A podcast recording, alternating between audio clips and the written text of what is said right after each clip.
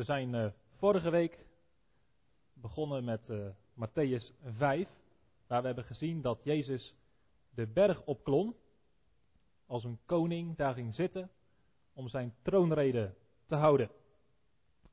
We hebben ook gezien dat zijn onderwijs allereerst gericht was aan zijn discipelen, de mensen die hem waren gevolgd, de mensen die zijn leerlingen waren geworden. We zouden kunnen zeggen mensen die burgers waren geworden van zijn koninkrijk. En de hele bergrede legt uit wat dat betekent. Wat het betekent om een burger te zijn van het koninkrijk van God. We zouden kunnen zeggen in onze tijd wat het betekent om een christen te zijn. Elke koninkrijk heeft zijn eigen cultuur. Elk koninkrijk heeft zijn eigen regels, zijn eigen wetten. En zo is het ook in het koninkrijk van God. De Jezus legt uit hoe christenen moeten leven hoe burgers zich als burgers van het koninkrijk moeten gedragen. Maar daar begint hij niet mee.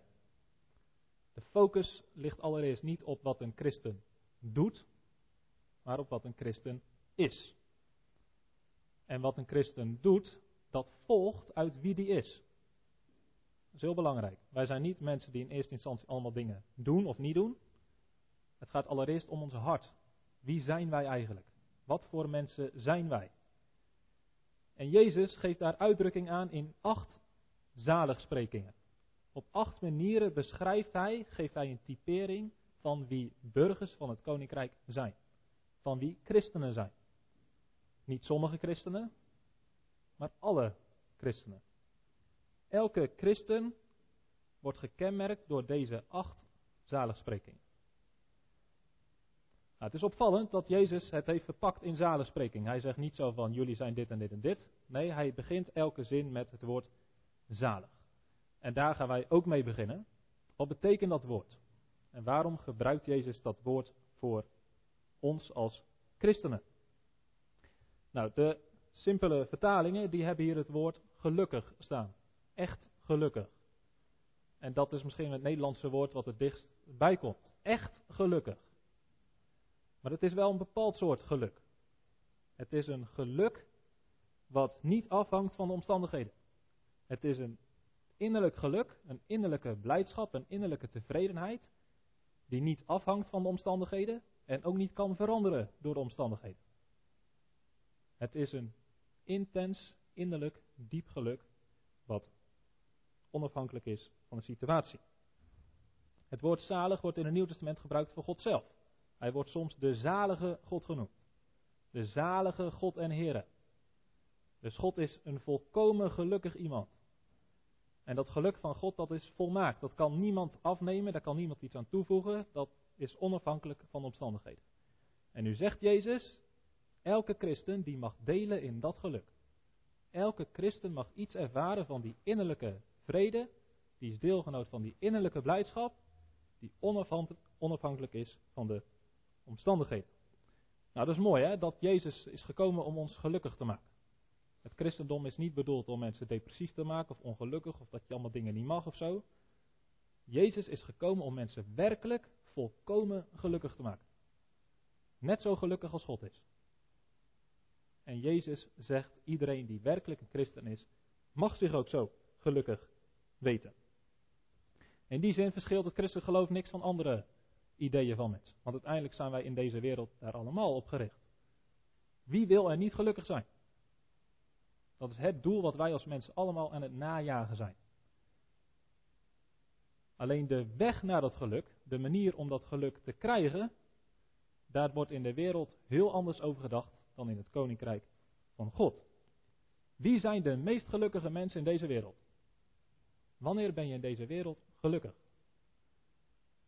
Nou, je zou kunnen zeggen, uh, zalig, werkelijk gelukkig volgens deze wereld, zijn mensen die alles hebben wat ze willen, wanneer ze het willen, waar ze het willen en hoe ze het willen.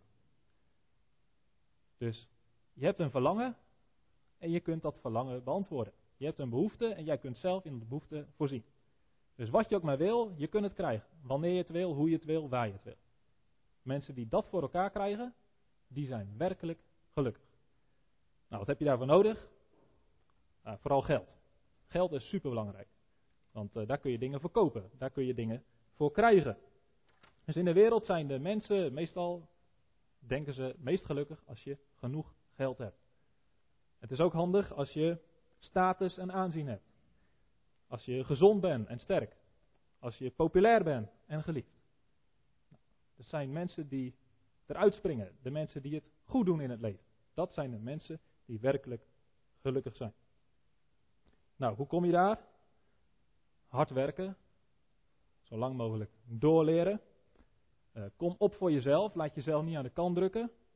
Uh, geloof in jezelf. Maak je eigen dromen waar. Zulke ideeën leven er in onze wereld. Dit is de weg naar het geluk. En zo word je werkelijk gelukkig. Nou, de zaligspreken die staan daar haaks op. Alles wat Jezus zegt over het ware geluk is in de ogen van de wereld gek, vreemd, paradoxaal.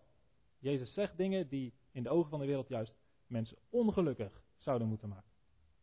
Dus Jezus die verklaart mensen gelukkig, die typeert mensen gelukkig, waar de wereld heel anders over denkt.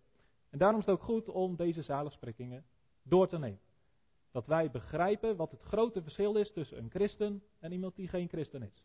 Iemand die leeft als een burger van het koninkrijk en iemand die leeft als een burger van deze wereld. Nou, we gaan naar die zaligsprekingen kijken. En uh, zoals ik al zei, waarschijnlijk komen we nou, de eerste vier ongeveer. De eerste wat Jezus zegt over de mensen die werkelijk gelukkig zijn, dat zijn de armen van geest. Het eerste waar een christen door wordt gekenmerkt, is dat hij arm van geest is. Wat betekent dat? Uh, er is in de uitleggers uh, soms discussie of dat nou niet letterlijk arm is. Dat Jezus zegt, als je arm bent, dan ben je werkelijk gelukkig. Nou, de, denk ik om de goede manier om daarnaar te kijken wat dit werkelijk betekent, is om het te zien vanuit het Oude Testament. In het Oude Testament hebben wij ook gelezen over mensen die arm van geest waren. Dat waren de mensen die kwamen uit de ballingschap. En die mensen die waren veel kwijtgeraakt. Dus die waren veelal letterlijk arm. Maar die mensen hadden ingezien dat zij geestelijk arm waren.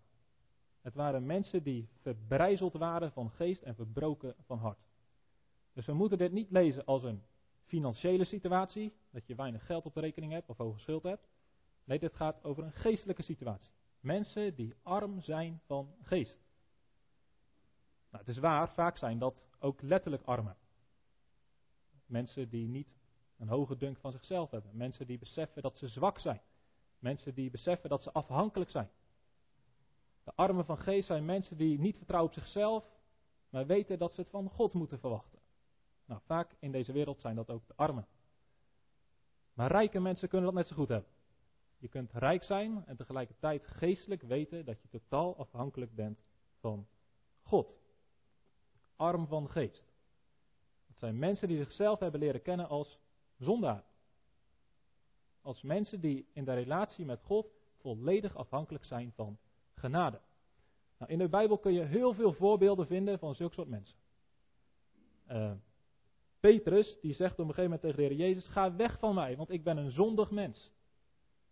Nou, Petrus was best wel een haantje. Op het moment dat hij in confrontatie kwam met wie Jezus was, toen besefte hij: Ik ben een zondige mens. Ik ben er niet eens waard om in de buurt van Jezus te komen. Misschien het meest duidelijke voorbeeld van een arme van geest is de tollenaar in de tempel. Jezus die zegt dat een fariseer en een tollenaar naar de tempel gaan. Die fariseer die gaat vertellen hoe goed hij is. Die, uh, die loopt gelijk naar voren, voorste plekje, en die zegt: God, dank u wel dat ik niet zo slecht ben als al die andere mensen. Hij is echt dankbaar. Hij heeft het goed met zichzelf getroffen. Dat is een rijke van geest. Dat is het tegenovergestelde. Maar dan zegt Jezus, er is ook een tollenaar. Die durft eigenlijk niet eens de tempel binnen te gaan. Die blijft op de drempel staan. Die zegt, dit is zo'n heilige plek, ik durf hier niet eens te komen. En dan zegt hij tegen God, wees mij zondaar genadig. Dat is een arme van geest. Nou, dat is natuurlijk het tegenovergesteld van die fariseer, maar het is ook tegenovergesteld van de wereld. De wereld zegt, geloof in jezelf. Heb zelfvertrouwen. Denk goed van jezelf. Denk positief. Je moet niet zo negatief over jezelf denken. Nou, een arme van geest, die kent zichzelf als een zondaar. Waarom is dat gelukkig? Waarom is dit de weg naar het ware geluk? Hoe kan het dat iemand die zo over zichzelf denkt, gelukkig mag zijn? Nou zegt Jezus, die fariseeër die ging naar huis, was niks veranderd. Maar die tollenaar die ging naar huis en zijn zonden waren vergeven. Hij werd gerechtvaardigd. Jezus zegt het hier zo. Zalig zijn de armen van geest, want van hen is het koninkrijk der hemelen.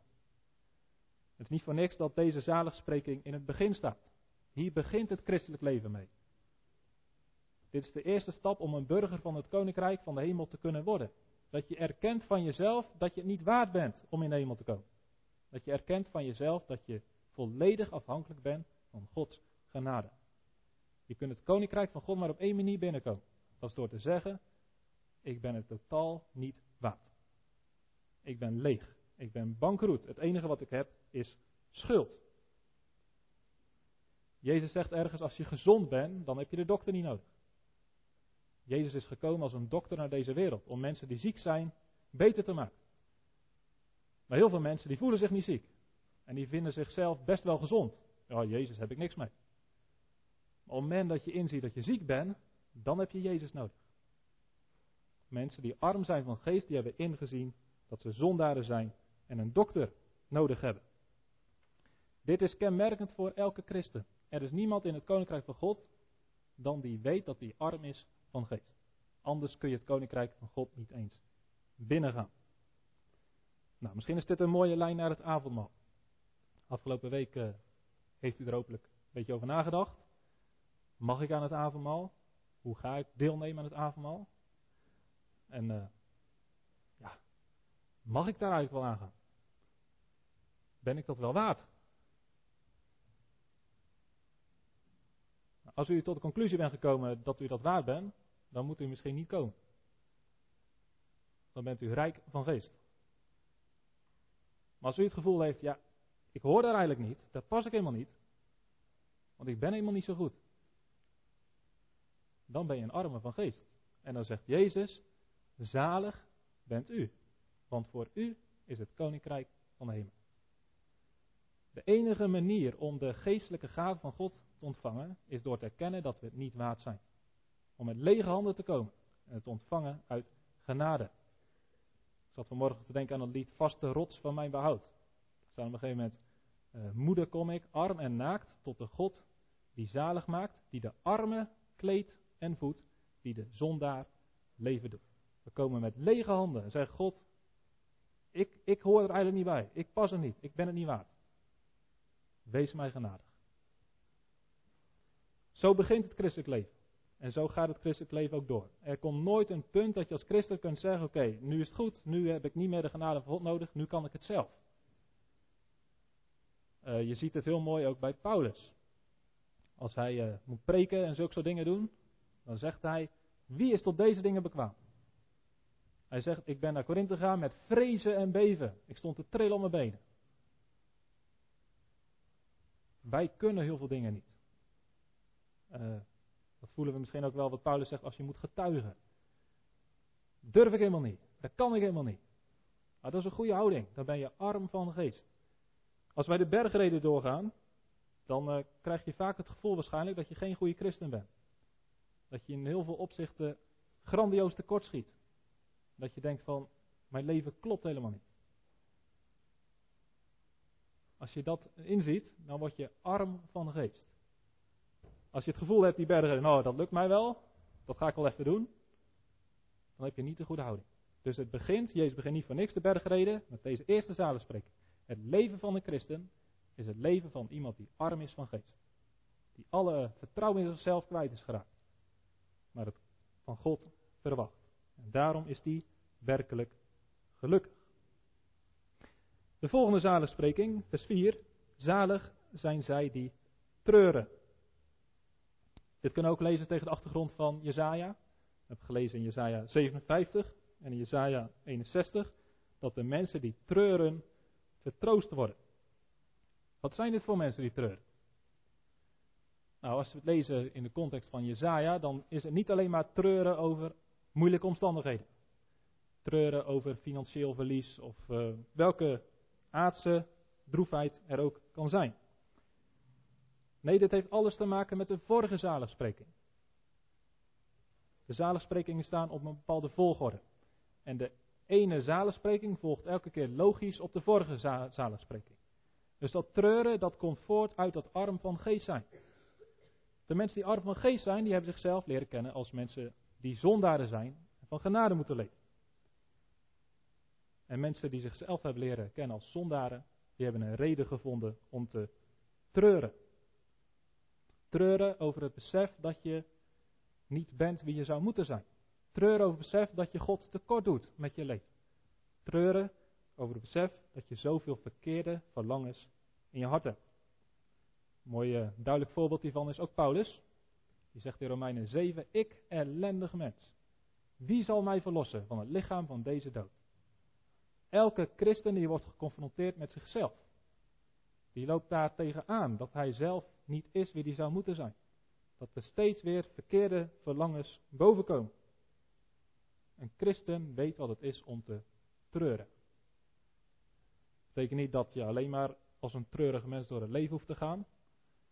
Jezus zegt aan het eind ook dat je blij mag zijn. Als je vervolgd wordt, verblijd je en verheug je. Dus een christen hoeft niet altijd te treuren. Er zijn ook momenten dat hij blij mag zijn. Ook een beetje vreemd al natuurlijk. Daar gaan we het vanavond over hebben.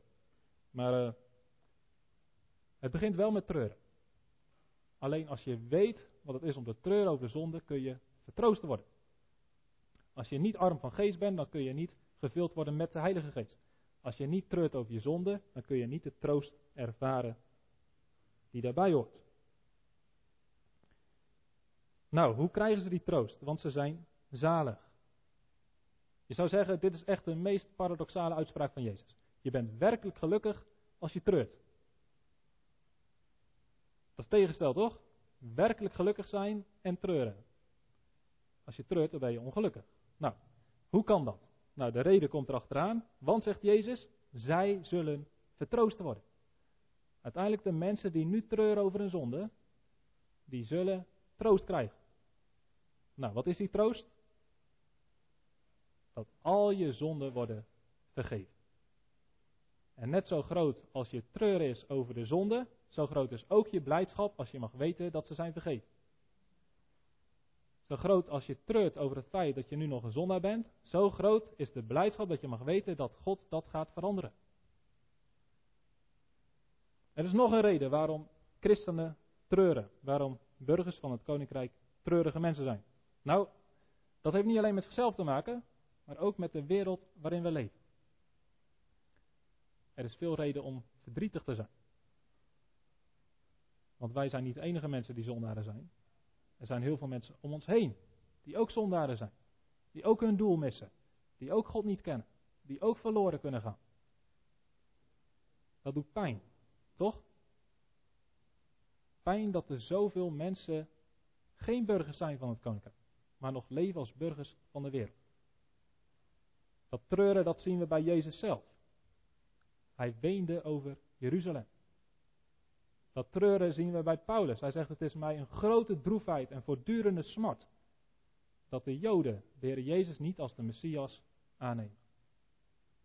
Als je dit herkent, dan ben je zalig. Omdat je hebt geleerd om op een andere manier naar deze wereld te kijken. Om te kijken vanuit God. Maar er zal ook troost zijn. Nu, maar ook straks.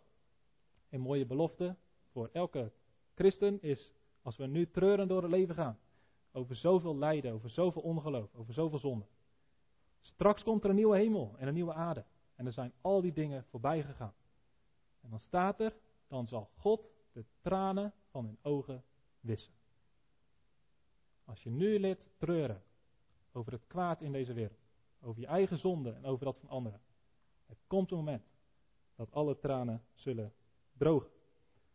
Nou, dit klinkt totaal niet aantrekkelijk voor iemand die geen christen is. Die denkt, hoe kun je hier nou geluk in vinden? Wij willen plezier hebben. Wij willen alles uit het leven halen. Wij willen feestjes bouwen. Wij willen niet denken aan problemen. We willen die verstoppen. We willen die verdringen. We gaan plezier maken. Nou zegt Jezus tegen hun, wee u die nu lacht, want u zult treuren en huilen. Wij moeten leren om met de ogen van Jezus te kijken naar deze wereld. En niet alleen plezier te maken, maar ook te erkennen dat de zonde werkelijk een probleem is waar wij pijn en smart over moeten ervaren. Er komt de derde zaligspreking. Vers 5. Zalig zijn de zachtmoedigen. De Messias van Jesaja 61 was gekomen om aan de zachtmoedigen een blijde boodschap te brengen. De zachtmoedigen zullen het evangelie mogen horen en daarin delen. Het woord zachtmoedig is misschien wat minder bekend. Wat is dat? Zachtmoedig. Wat betekent om zachtmoedig te zijn?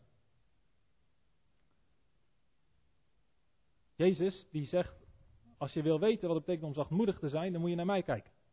Leren van mij dat ik zachtmoedig ben en nederig van hart. Iemand die zachtmoedig is, is een nederig persoon. En een nederig persoon is iemand die niet in eerste instantie aan zichzelf denkt, maar zichzelf kan wegcijferen. Het tegenovergestelde van zachtmoedig is opkomen voor jezelf. Dat zegt de wereld. Je mag er zijn wie je bent. Kom op voor jezelf. Uh, strijd voor je eigen rechten. Laat niet over je heen lopen. Die houding. En uh, volgens de wereld kom je daar het vest mee. Als je over je heen laat lopen, als je aan de kant laat drukken, ja, dan kom je nergens. Je moet gewoon, hup, kom op voor jezelf. Pak je je kansen. Uh, af en toe een grote mond, af en toe zo spreken dat anderen, maakt niet uit. Ga voor jezelf. En als iemand je oneerlijk behandelt, pak hem terug. Dat is niet wat de houding moet zijn van burgers van het koninkrijk van God. Wij moeten zachtmoedig zijn, vriendelijk en mild. Deze volgt ook een beetje uit de vorige. Want hoe krijg je deze houding? Dat je jezelf kunt wegcijferen. Dat je bereid bent om pijn en onrecht en lijden te verdragen. Als iemand negatief over je spreekt, om niet gelijk in de tegenaanval te gaan. Hoe kom je aan die zachtmoedigheid? Nou, als je werkelijk arm van geest bent, dan denk je klein van jezelf. Als je hebt geleerd om je eigen zonde te zien en erover te treuren, dan vind je jezelf niet zo belangrijk. En daar word je zachtmoedig van. Zachtmoedig. Nou, stel je voor dat iemand negatief over je spreekt. Dat er over je geroddeld wordt, of iemand kletst over je en uh, die maakt je zwart bij anderen.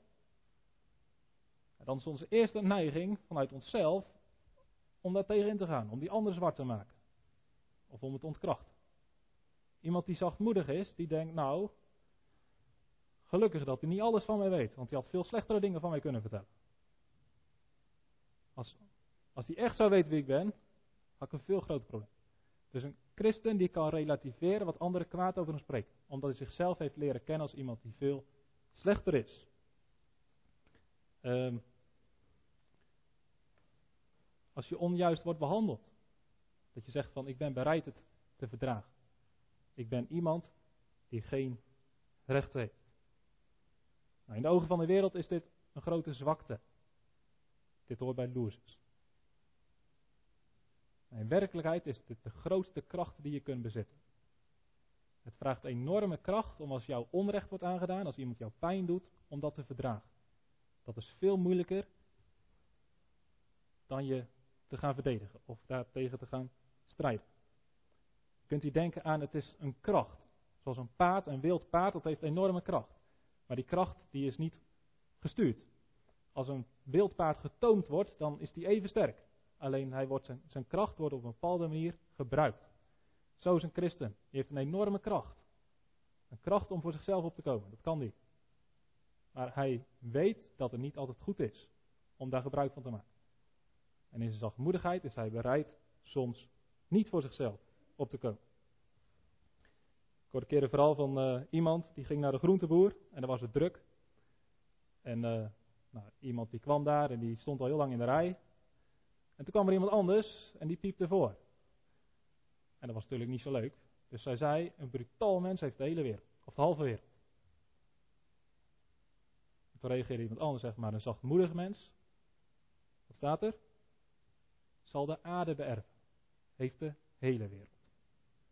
Uiteindelijk zullen de zachtmoedigen het winnen in deze wereld. Niet de mensen die, die hun rechten gebruiken, niet de mensen die geweld en macht gebruiken om hun positie te bereiken, maar mensen die zachtmoedig zijn. Die bereid zijn zichzelf weg te cijferen. Mensen die zichzelf aan de kant zetten. Die de minste willen zijn. Die net als Jezus willen zijn. God zal uiteindelijk hun belonen.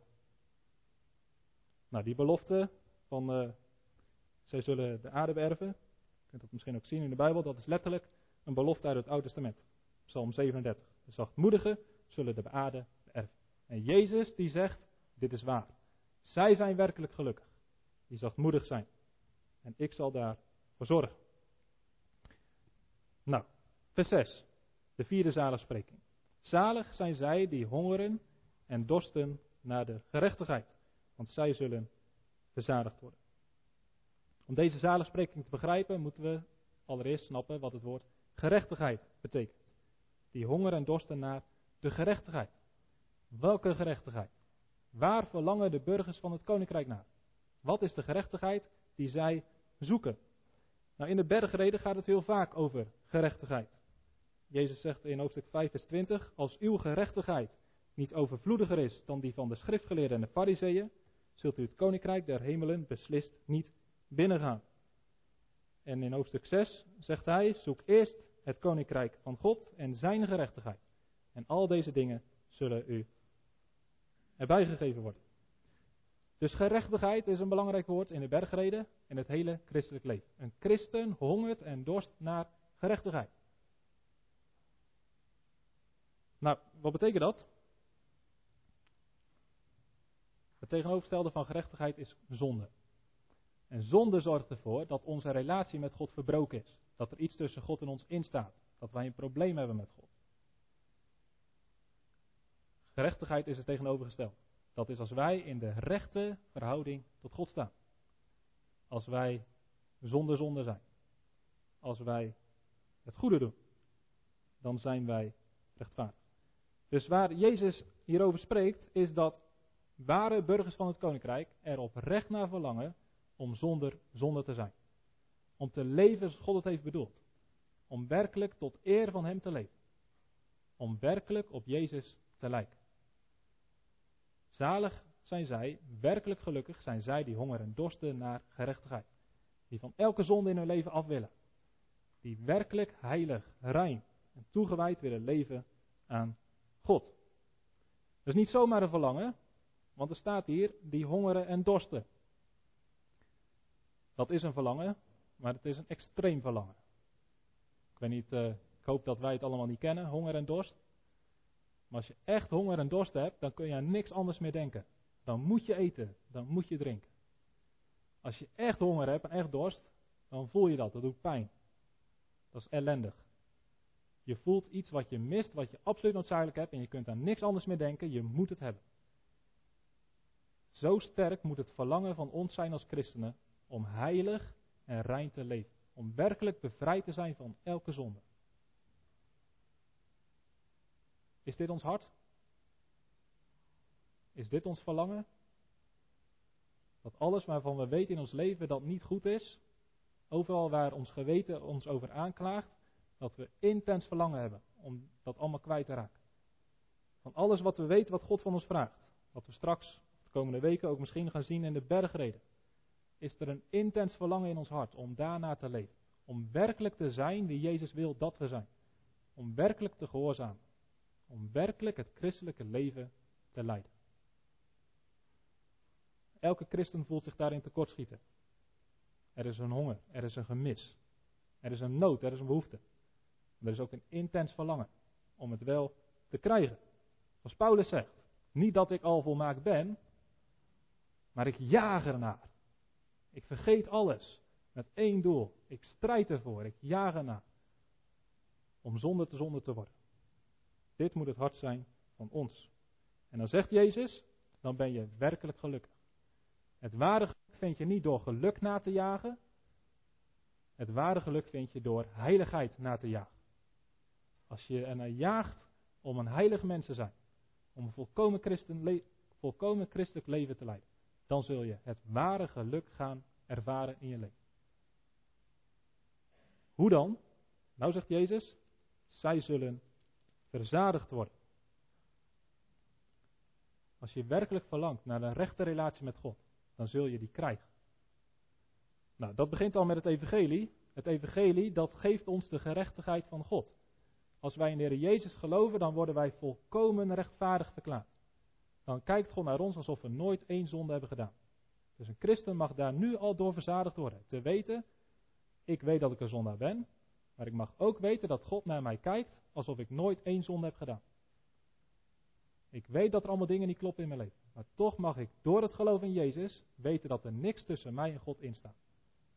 Dat is de eerste manier waarop wij verzadigd kunnen worden. De tweede manier is dat de Heilige Geest in elke christen werkelijk woont en werkt om ook de macht van de zonde te breken. Om ons te veranderen, om ons te vernieuwen. Dus als we werkelijk jagen naar heiliging, dan zullen we daar ook in groeien. Dan zullen we overwinning hebben over zonde. En dan zullen we steeds meer gaan worden wat Jezus van ons vraagt. En straks, volkomen, als wij de hemel binnengaan, dan mogen we elke zonde achter ons laten. Dan zullen we nooit meer een zondig verlangen hebben. Dan mogen wij werkelijk zijn zoals God ons heeft bedoeld. Zalig zijn zij die hongeren en dorsten naar de gerechtigheid, want zij zullen verzadigd worden. Nou, hier gaan we stoppen. We hebben de vier gezien nu. Zalig zijn zij die arm zijn van geest, die treuren.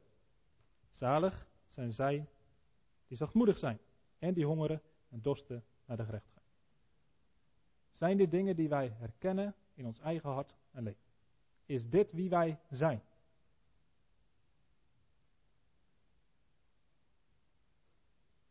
Dat is nodig.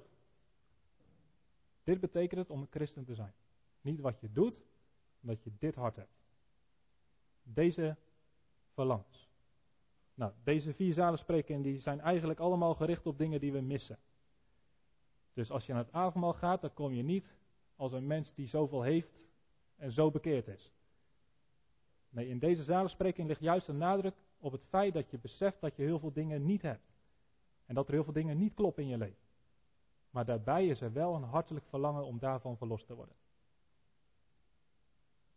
Is dit ons verlangen?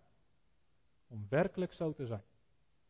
Om werkelijk burger te zijn van het koninkrijk van God.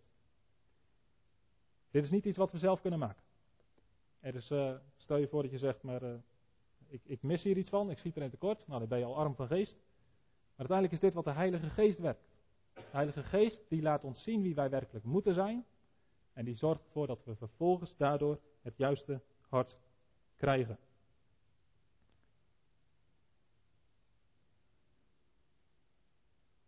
Ik hoop dat we deze zalensprekingen steeds meer mogen gaan herkennen in ons leven.